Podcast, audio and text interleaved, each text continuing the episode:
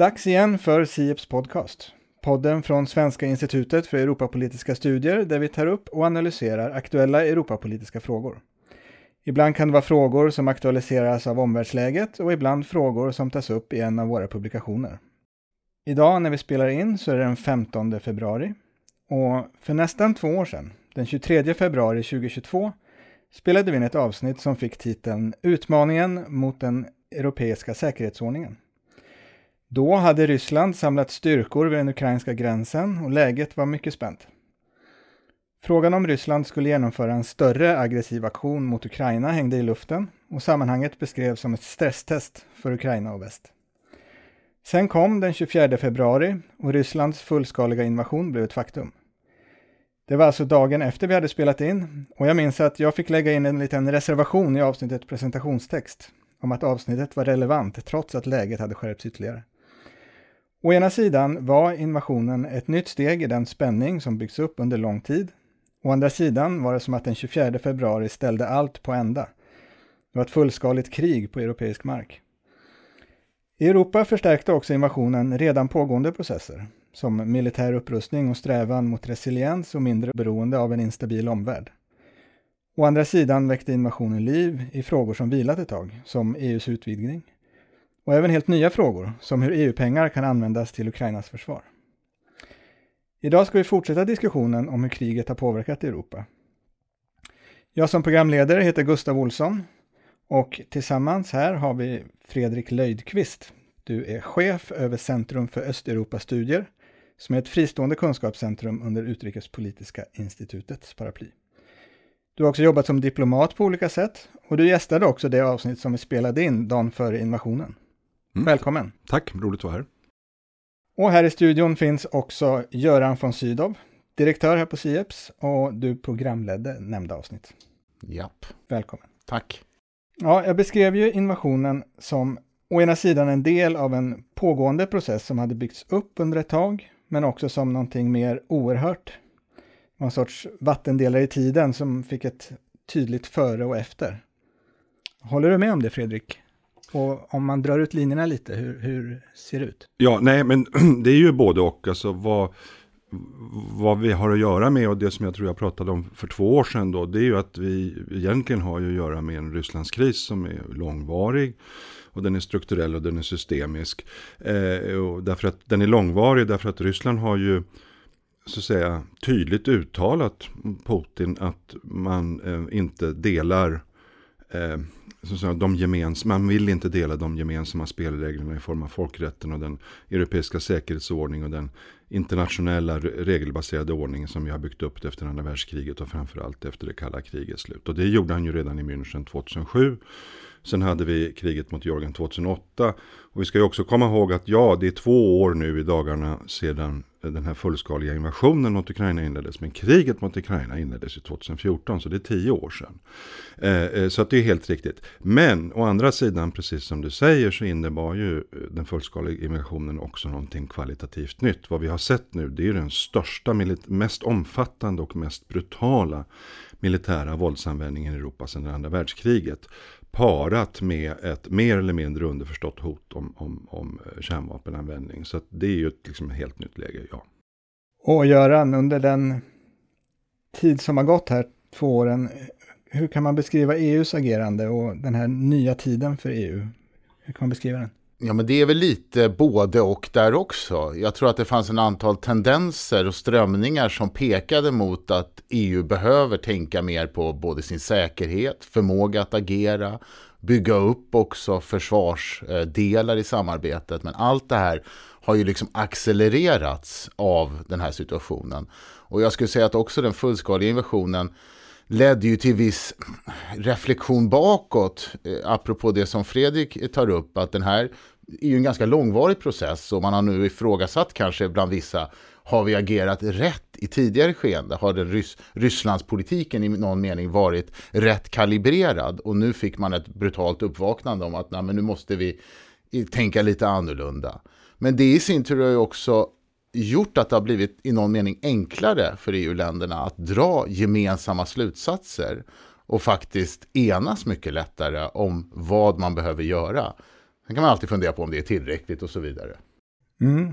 Och vi döpte ju det avsnittet då, 2022, döpte vi till utmaningen för den europeiska säkerhetsordningen.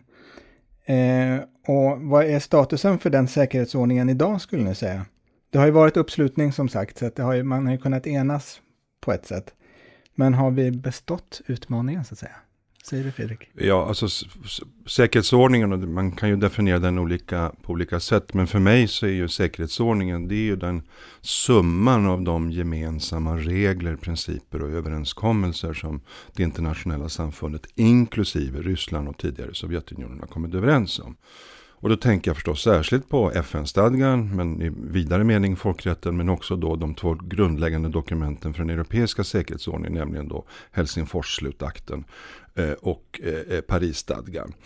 Och då är det ju helt klart att Ryssland eh, bryter ju mot dessa grundläggande principer, alltså staters eh, suveränitet, territoriella integritet, eh, rätt till självbestämmande, på det mest flagranta sättet. Eh, eh, men det skulle jag säga, det innebär ju också att det, liksom, det visar ju på vikten att vi håller fast vid de här reglerna. Eh, och det sättet vi måste göra det, det är ju att de som, den som bryter mot dem måste ju hållas ansvarig. Det måste ske någon form av ansvarsutkrävande och det sker ju nu också. Eh, och ansvarsutkrävande kan ju ske på olika sätt. Det kan vara folkrättsligt och här diskuterar man ju olika former av tribunaler. Eh, för, liksom, och det är aggressionsbrott och det är brott mot krigets lagar.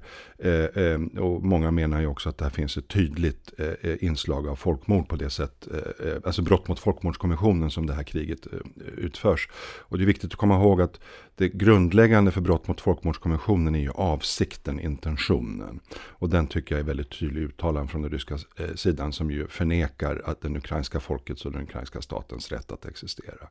Eh, så jag skulle säga att folkrätt, eller den här liksom, säkerhetsordningen, den kommer bara att kunna upprätthållas i den mån vi klarar av att avkräva ansvar av de som bryter emot dem.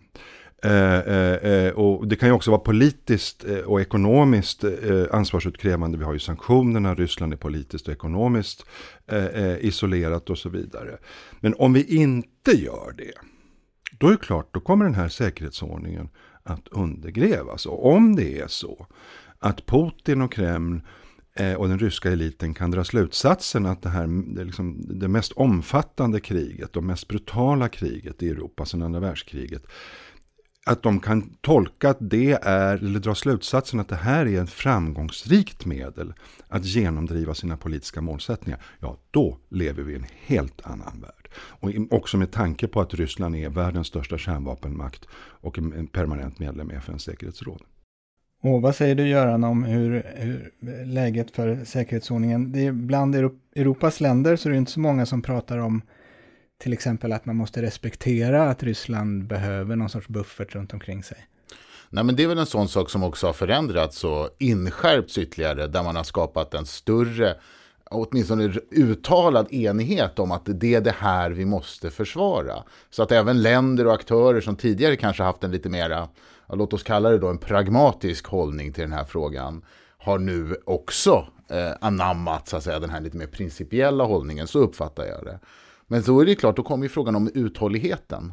Alltså det är ju så pass länge och så pass stora konsekvenser som det här kriget får. Så att tittar man framåt så är det ju det som man kan förstå att det vissa, på vissa ställen blir en viss otålighet. Men finns det inte någon form av lösning här så att man kan liksom gå vidare? Och det är det som är risken om den lösningen kännetecknas av en alltför stor, då, ja, kalla det pragmatism eller att man avstår från de här principerna. Ja, då, då ligger ju den risken som Fredrik antyder helt enkelt att tolkningen av det från den ryska statsledningens sida är att eh, de kommer i slutändan vika ner från de här principerna. Och hur, hur ser det ut med den här uthålligheten nu? Vi, vi, det har pågått i två år, fullskaliga kriget. Eh, och just nu så tycks läget vara lite låst. Eh, för ett år sedan pratades om den kommande ukrainska offensiven, men inga sådana delmål eller så tycks tydliga idag. Eh, påverkar det här uppslutningen kring, eh, kring stödet och kring Ukraina? Det är klart att det finns en, eh, eh, det finns ju alltid en farhåga för att det ska uppstå en, en slags utmattning, det man brukar kalla alltså Ukraine fatigue i, i, i väst. Och, eh, men samtidigt ska vi ju komma ihåg att det samlade väst respons efter den eh, 24 februari 2022 när den storskaliga invasionen inleddes har ju varit betydligt mer enad och robust än vad någon, inklusive Putin, eh, kunde ha räknat med till exempel hösten 2021. Eh, eh, så att det är liksom enastående. Vi levererar nu vapen i, storskalig, eh, i stor skala till eh, ett Ukraina som är i krig med Ryssland. Eh, vi, EU har fattat det viktiga principiella beslutet att inleda medlemskapsförhandlingar med Ukraina och Moldavien och ge Georgien kandidatlandsstatus. vi eh, eh vi liksom har mobiliserat och det finns liksom långt gångna diskussioner om Ukrainas återuppbyggnad och så vidare. Men eh, eh, å andra sidan så är det förstås att Putin spelar på tid och han hoppas på att den västliga enigheten ska, ska liksom börja krackelera. Eh, och, och, eh, eh och, att vi ska, och då tror jag det är viktigt att komma ihåg, behålla liksom det här lite granna proportioner. För ibland så får man en känsla, men det är så, Ryssland är så stort och Ukraina är så stort och det här är så kostsamt och dyrt. Eh, och det ska vi komma ihåg då att om man tar en hög siffra för till exempel eh, eh, återuppbyggnaden av Ukraina, en hög uppskattning ligger ungefär på 750 miljarder euro eller dollar. Det är ungefär Eh, gå på ett ut. Och det kan ju låta som en väldigt stor summa. Eh, men om man räknar ut det här, vad är det här i andel av EUs samlade budget över en EU-budgetperiod på sju år? Ja, då hamnar det på någonstans mellan 0,04 och 0, alltså, alltså 0,4 och 0,5 procent av EUs samlade budget. Eh, finska, eller estniska försvarsministeriet släppte en rapport precis före jul och som hade räknat på vad det är som krävs för att Ukraina vad är det för typ av militärt stöd som krävs för att Ukraina verkligen ska kunna framgångsrikt kunna försvara sitt territorium? Och då landar man på en siffra som ligger då på 0,25 procent av de NATO-allierades budgetar. Det är mycket pengar, men det är en historisk eh, eh brytpunkt vi befinner oss i. Eh, och det här är fullt görbart. Det här är inga astronomiska siffror. Vi ska komma ihåg att EU, EUs post-covid-subventionsstöd låg ju på ungefär på 800 miljarder euro. Så att eh, allt det här är möjligt eh, och det tror jag är viktigt. Och vi ska också komma ihåg att vad är alternativet? Att om Ryssland lyckas med det här, då kommer ju kostnaderna både i termer av, av säkerhet men också i reda pengar bli mycket, mycket högre. Eh, så det farliga är att liksom, det kanske finns en förhoppning, en illusion om att vi på något sätt skulle kunna återvända till världen som den såg ut före den 24 februari 22. Det tror jag är helt omöjligt. Det finns bara en väg framåt här. Eh, och, och, det är det som fångas i det här begreppet Zeitenwende, så att säga, att det här är ett epokskifte. Vi kommer aldrig kunna återvända till något status quo ante. Om man tittar på då EUs enighet så finns det ju några intressanta aspekter tycker jag man kan tänka på. Vad är det som har skapat den? Alltså det är ju alltid så när EU drabbas av kriser att det kan gå olika lätt att enas. Och här ska jag ändå säga att ganska tidigt så skapas en samsyn om liksom vad är hotets karaktär? Vad är situationen och vad är det som krävs? Men den enigheten var också behjälpt kan man säga av att vi har gemensamma institutioner som kunde förbereda till exempel sanktionstrappa, åtgärder. Det vill säga att det kom inte som helt nytt för medlemsstaterna att sitta från tomt ark och fundera på vad ska vi göra. Så det är den ena aspekten och den för oss fram till att vi nu går in i en institutionell omdaning även på EU-sidan, det vill säga Europaparlamentsval och det ska till en ny kommission. Så här är det klart, det finns lite så att säga en viss osäkerhet alltid. Hur kommer det här gestalta sig framåt? Men sen den här enigheten i medlemsstaterna, den tycker jag också har varit väldigt stor, trots att det ibland har funnits frågor om hur den kommer utvecklas i förhållande till nationella val. Om man tänker till exempel när Italien gick till val och det blev en ny regering, då var det många som funderade, ja, nu kommer det här nog inte fungera, men, men det har faktiskt gjort det fortsatt. Och likaså länder som kanske innan hade en lite annan förhållningssätt, både, det gäller både Tyskland och Frankrike, har så att säga gradvis anammat den här gemensamma hållningen.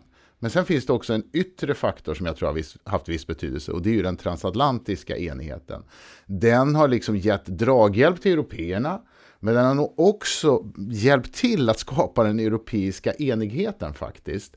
Och här finns det ju också en fråga framåt eftersom man nu går in mot amerikanskt val och det handlar inte, i min värld handlar det inte bara helt så att säga, digitalt om vem som blir president. Utan det man märker i den amerikanska diskussionen att här, här rör det sig lite. Och det är väl någonting att tänka på när det gäller uthålligheten och förmågan att liksom hänga i nu i den här politiken. Och sen sista aspekten när det gäller det så är det klart att i samma andetag man kan säga att EU har vidtagit och väst vidtagit exceptionella åtgärder gjort saker både när det gäller sanktioner eller stödet till Ukraina, användandet av till exempel fredsfaciliteten och det militära stödet och alla de här sakerna, massflyktsdirektiv och så är det ju fortfarande så att det har ju inte riktigt gett den effekt man hoppades på. Alltså det måste man ju ändå ha i åtanke också.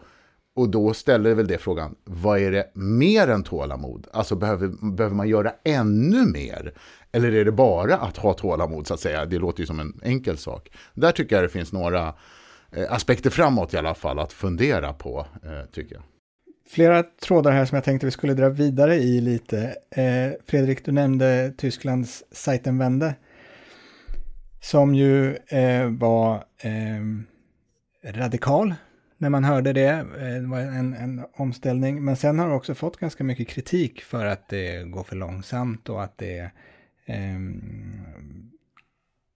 det tar tid att, ställa om. Hur, ehm, eh, hur ska Ukraina få sitt artilleri till exempel? Och hur, när, när vapentillverkare funderar på om deras investeringar kommer löna sig på sikt? Ja, och där sätter du ju eh, huvudet på spiken därför att eh, Eh, det är många olika faktorer som kommer att avgöra hur den eh, hur den ryska, rysk-ukrainska konflikten och också den ryska angreppet inte bara på Ukraina utan liksom på den internationella eh, och europeiska säkerhetsordningarna kommer att sluta. Men den kanske enskilt viktigaste faktorn det är förstås utvecklingen på slagfältet.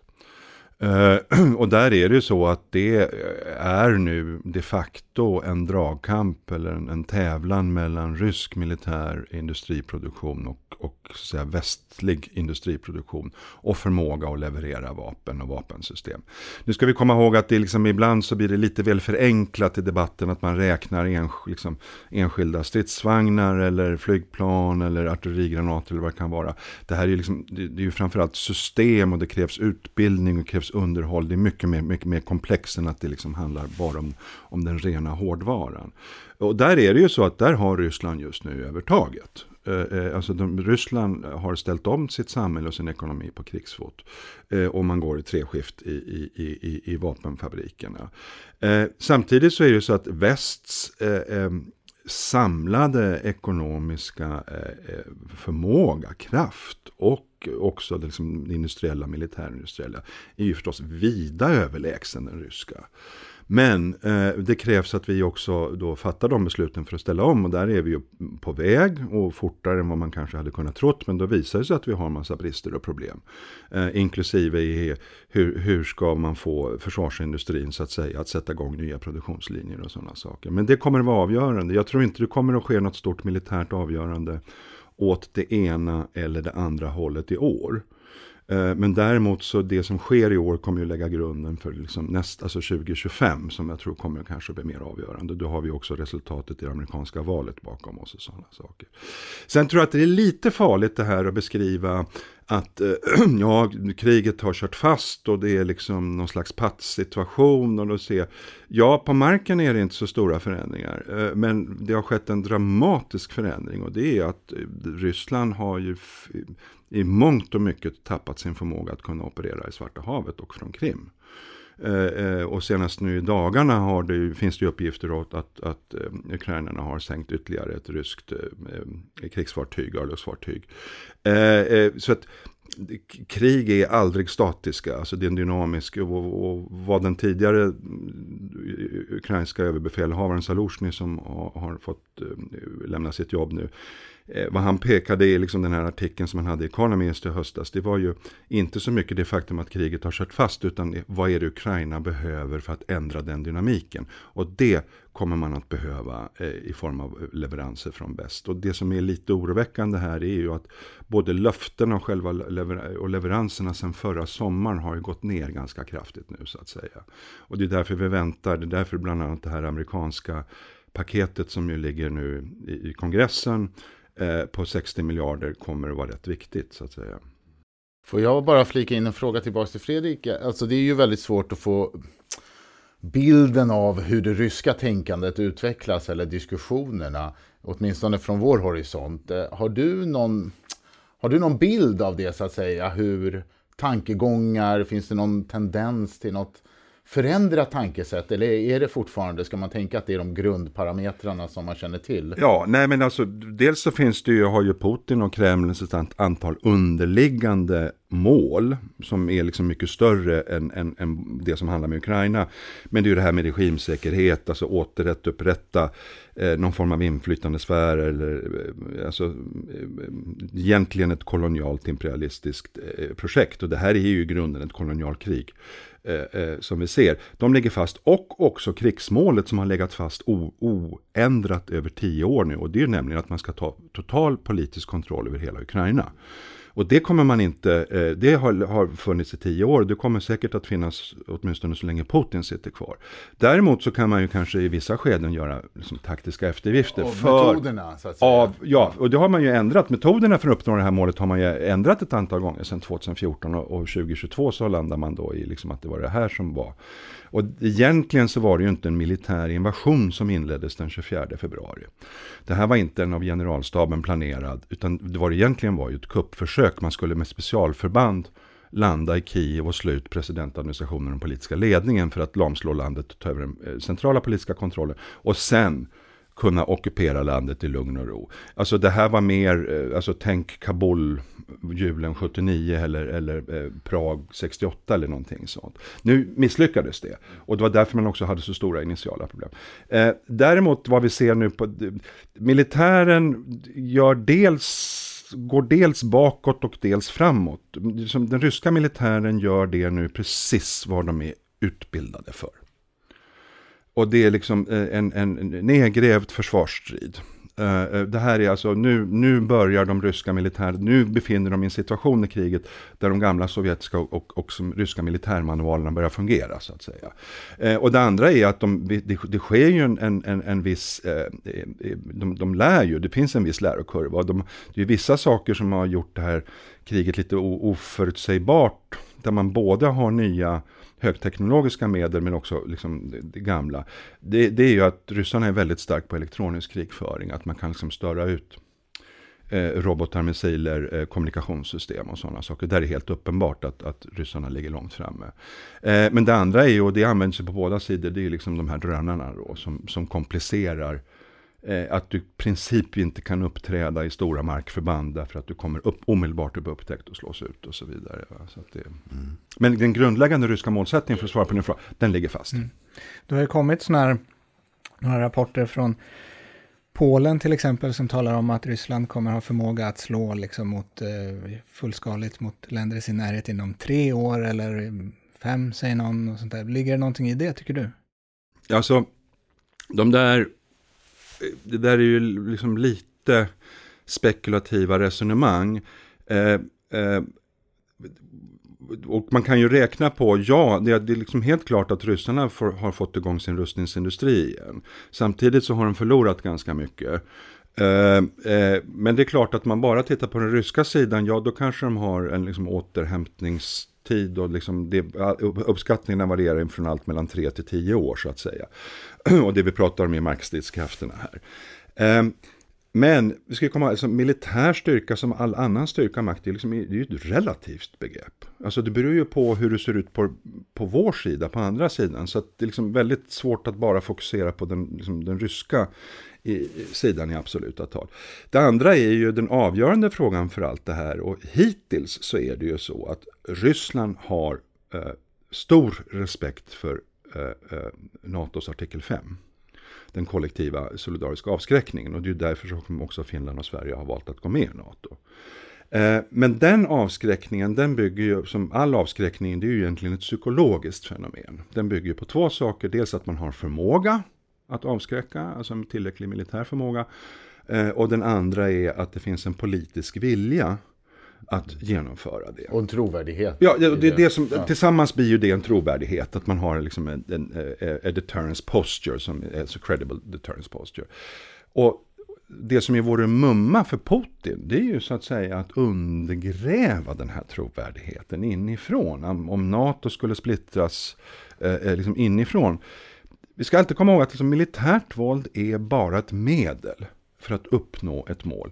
Kan man uppnå det målet med andra medel som inte är militärt, desto bättre. Och det är därför jag tror att vi måste prata lika mycket om hybridhot, eh, liksom olika former av påverkan och påverkansoperationer eh, och det som i den mer akademiska eh, litteraturen brukar kallas för reflexiv kontroll, det vill säga att ryssarna sätter den mentala dagordningen och begränsar väst, alltså olika utfallsrum. Att man kommer in i våra politikers hjärnor som säger att vissa eh, man redan där begränsar. Och där har man ju, tycker jag, varit delvis ganska framgångsrika. Jag skulle säga att väst, och då tänker jag inte minst på Washington, har berättat för sig själv tre berättelser sedan, sedan den 22, eller 24 februari 22. Det första var Eh, och berättelser om varför vi inte kan stödja Ukraina mer än vad vi har gjort. Varför kan vi inte kan ge mer vapen? Den första rädslan, eller första berättelsen, det var det rädslan för militär upptrappning liksom tredje världskriget, kärnvapenanvändning och så vidare. Och den, det var en berättelse som fungerade någonstans mellan februari och oktober 2022 ska jag säga. Förra våren och sommaren så var det en annan berättelse som vi berättade för oss själva och det var rädslan för Rysslands sönderfall.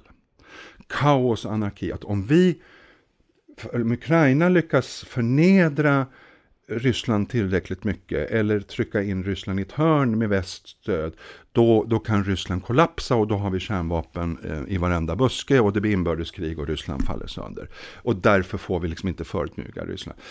Den berättelsen tror jag, eh, den ballongen satte, när, när Prigozjin ramlade ner från himlen i augusti förra året så tror jag liksom att då hade den berättelsen ingen trovärdighet längre för att Putin hade visat att han hade egentligen stärkt sin eh, sin kontroll och styrka. Och den tredje berättelsen som vi berättade för oss själva, det var den i höstas, nämligen att kriget inte går att vinna. Eh, eh och det, det här är, därför är det meningslöst att ge Ukraina vapen eh, och därför måste vi leta efter förhandlingslösa. Det här är ju då, igen, det här är berättelser som inte har så mycket med den empiriska verkligheten att göra, men det har med hur vi så, så framar perspektivet som de, debatten och diskussionen tar i väst. Och här tycker jag att här har Ryssland varit rätt, liksom rätt framgångsrika. Så att, eh, ja, än så länge har NATO artikel 5 definitivt trovärdighet. Jag tror inte att det föreligger någon omedelbar risk för ett konventionellt anfall mot en NATO-allierad. Däremot så är det ju andra, jag menar Georgien och Moldavien lever alltid farligt. Eh, eh, men däremot, det innebär inte heller att vi är säkra, utan därför att det här innebär ju bara att man kan tillgripa mer av, av icke-konventionella militära medel, alltså, alltså hybridhot, och cyberangrepp, eh, desinformation, alla möjliga former av påverkan och sabotage. Och det, det är svårt att mäta, men min känsla är ju att det här ökar ju bara definitivt hela tiden nu. Och att, och att vi måste ha en helhetssyn på vad hot är för någonting. Om jag får bara några tillägg så tänkte jag bara i sammanhanget eh, tipsa om, i morse en intressant artikel som var den andra eh, artikeln i en serie av Skriv idén av Ingrid Karlberg som handlar just om desinformation och det tyckte jag var ganska läsvärd och tänkvärd just om de här metoderna. Men sen apropå det här, du nämner ju den här polska rapporten, jag ska inte, inte tänka gå in i detaljer, men från mitt perspektiv så för, framstår det ju som att en grundförutsättning ju faktiskt handlar också om vad som faktiskt utspelas i Ukraina. Alltså det vill säga de här förväntningarna om vad som kan ske eventuellt. Det blir lite hypotetiskt skulle jag säga för att just nu så framstår det som att den ryska kapaciteten är helt investerad i det som faktiskt pågår i Ukraina. Så att, att då börja tänka i något alternativt scenario vet jag inte hur, hur liksom fruktbart det är måste jag säga. Det är klart att man ska alltid planera för eventuella risker. Men sen tänkte jag också på den här kopplingen då med det trovärdiga säkerhetsgarantier och så vidare. Att det finns ju här en fråga också kring Ukraina och som jag nog menar också påverkar EU lite. Det är ju det att kriget har väl ändå fastslagit liksom NATOs roll också som den territoriella garanten för liksom kollektiv säkerhet. Och det är ju därför som Sverige och Finland. Men det är klart att det finns ju en fråga kring Ukraina också i det här sammanhanget. Och eh, utkomsten av då det här Vilnius-toppmötet i somras eh, var väl till exempel, tycker jag att man kan tolka som att det var en ganska eh, svag, så att säga, perspektiv för Ukraina. Medan samtidigt så har vi det viktiga beslutet i december då om att öppna, inleda medlemskapsförhandlingar om EU. Och här tycker jag ändå det finns en lite intressant framtidsfråga och där man från EUs ledare talar om det ibland i termer av att det här innehåller en typ av säkerhetsgaranti för Ukraina, medlemskapsperspektivet och sen det full, fullvärdiga medlemskapet. Och då kan man ju säga det att tittar man på texterna så är, har vi ju på Sirius bland annat publicerat saker där man jämför artikel 5 i NATO-fördraget med den så kallade artikel 42.7 i Lissabonfördraget. Och då ordalydelsen, ja där är ju nästan, om något så är det nästan skarpare vad det betyder inom EU, vad vi kan förvänta oss. Men organisationen som backar upp det är ju något fundamentalt annorlunda. Det vill säga NATO har en huvudsaklig uppgift, EU har massa olika typer av uppgifter, men inte primärt den av att göra då, eh, ja, ge de här trovärdiga säkerhetsgarantier och solidaritet. För det inte heller har prövats. Alltså båda de här tingen har prövats varsin gång av, intressant nog, de två starkaste militära makterna i, i respektive organisation, alltså det vill säga USA efter eh, 9-11 och Frankrike efter terrordåden vid Bataclan.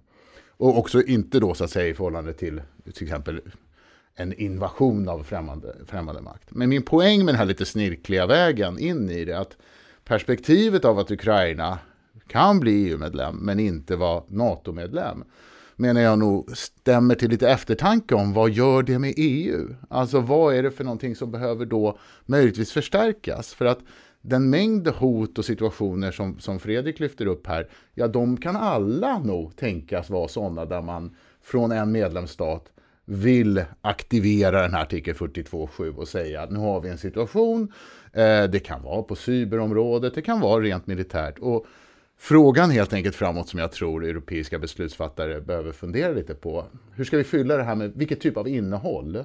Och vad blir då kanske relationen mellan EU och NATO på lite sikt?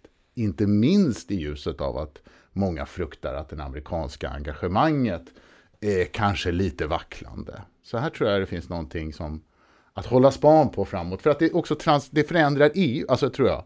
Det förändrar vad EU, har potential i alla fall att förändra vad EU är primärt. Alltså vad är det samarbetet syftar till? Och då kanske man måste slå om ja, politisk inriktning, resurser, beslutsfattande och sådana saker. Den, den vägen har man ju redan börjat på, delvis kan man ju säga, med den här så kallade strategiska kompassen man nu arbetar utefter och så vidare. Alltså, bara fylla på, alltså, EU kommer ju ha två väldigt viktiga uppgifter i Ukraina nu och det är ju dels EU-närmandet EU-integrationen eh, och det andra är ju som återuppbyggnaden av Ukraina. Och de två är ju så att säga nödvändiga förutsättningar för varandra ömsesidigt stärkande. Men för att det ska finnas ett Ukraina att integrera och att återuppbygga så måste ju liksom säkerheten hanteras. Eh, både på kort sikt så att säga så att inom citationstecken att Ukraina kan vinna kriget, det vill säga värna sin suveränitet och territoriella integritet. Men också på sikt genom någon form av trovärdiga säkerhetsarrangemang som gör att Ryssland inte kommer att komma tillbaka och, och, och, tillbaka. Och det yttersta garanten det är ju artikel 5. Om det inte är politiskt möjligt, ja då får man titta på andra saker. Men de här tre sakerna, alltså återuppbyggnaden, EU-närmandet och säkerheten kan inte tänkas separata från varann. Och det gör ju att den här EU-utvidgningen till Ukraina är av ett kvalitativt helt annat slag än tidigare EU-utvidgningar. Mycket mer geopolitiskt. Det har alltid funnits ett inslag av geopolitik i utvidgning. Men, och det kan man ju också säga på kommissionens rapport i höstas som handlade om då hur det går i utvidgningsländerna. Så en sak som jag tänkte på om man jämför med för tidigare utvidgningar, det är hur mycket man tar fasta på just det utrikespolitiska. Att vara liksom linjerad i utrikespolitiken jag kan inte påminna mig att utvidgningen 2004 till exempel kretsade särskilt mycket om det. Det var ju en transformativ och en, så att säga, en, en an, anpassning av länder som hade brutits ur Sovjetsystemet. Nu är mycket mycket mer fokus på att titta på, är de här länderna på väg in redo att också ställa upp bakom de principer som kännetecknar EUs utrikespolitik? Och då blir det ju väldigt negativa rapporter kring eh, länder som eh, både jag menar, Turkiet eller Serbien och så vidare. Och eh, det där tror jag också kommer vara återigen viktigt för vad, vad, vad, är det det handlar om? Så att säga? Vad är det primära? Kanske inte bara är det marknadsintegration och så vidare. Och då ska vi ändå komma ihåg att de tidigare utvidgningarna då av, av Centraleuropa, eller östra Centraleuropa, Baltikum och så vidare. De skedde ju då i en, mycket mer eh, så att säga, godartad geopolitisk miljö. Men där gick ju EU och NATO-utvidgningarna hand i hand så att ja. säga. Eh, och, och, här har, lever vi i en mycket, mycket utmanande, mycket mer besvärlig situation. Och vi har inte den kopplingen inte uppenbar idag. Så att säga.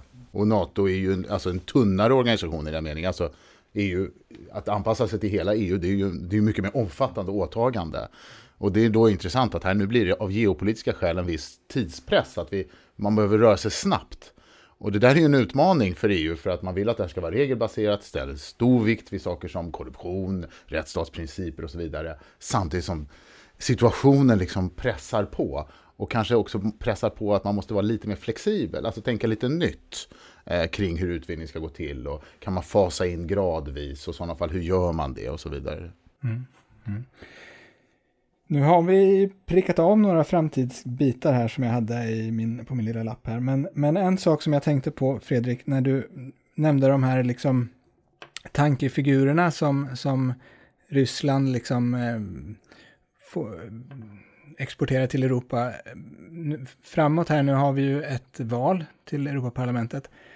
Finns det någon sån, liksom, det finns ju en risk för, för desinformationskampanjer och sånt där, det är vi medvetna om. Finns det någon sån liksom tankefigur som du tänker att skulle gynna Ryssland eller som de vill liksom Ja, det, det, det är ju det här att, eh, ja, det måste ni förstå att uh, Ukraina kommer ju inte att kunna hålla ut och det här liksom, kriget är meningslöst och vi, vi måste sätta oss ner och förhandla fram en lösning här.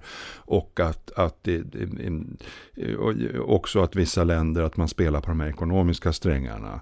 Eh, att utbytet. Nu har det ju visat sig att vi klarade ju av Eh, det finns ju fortfarande länder som har undantag och importerar rysk olja och gas därför att de är landlocked och, och liksom pipelinesystemen går så.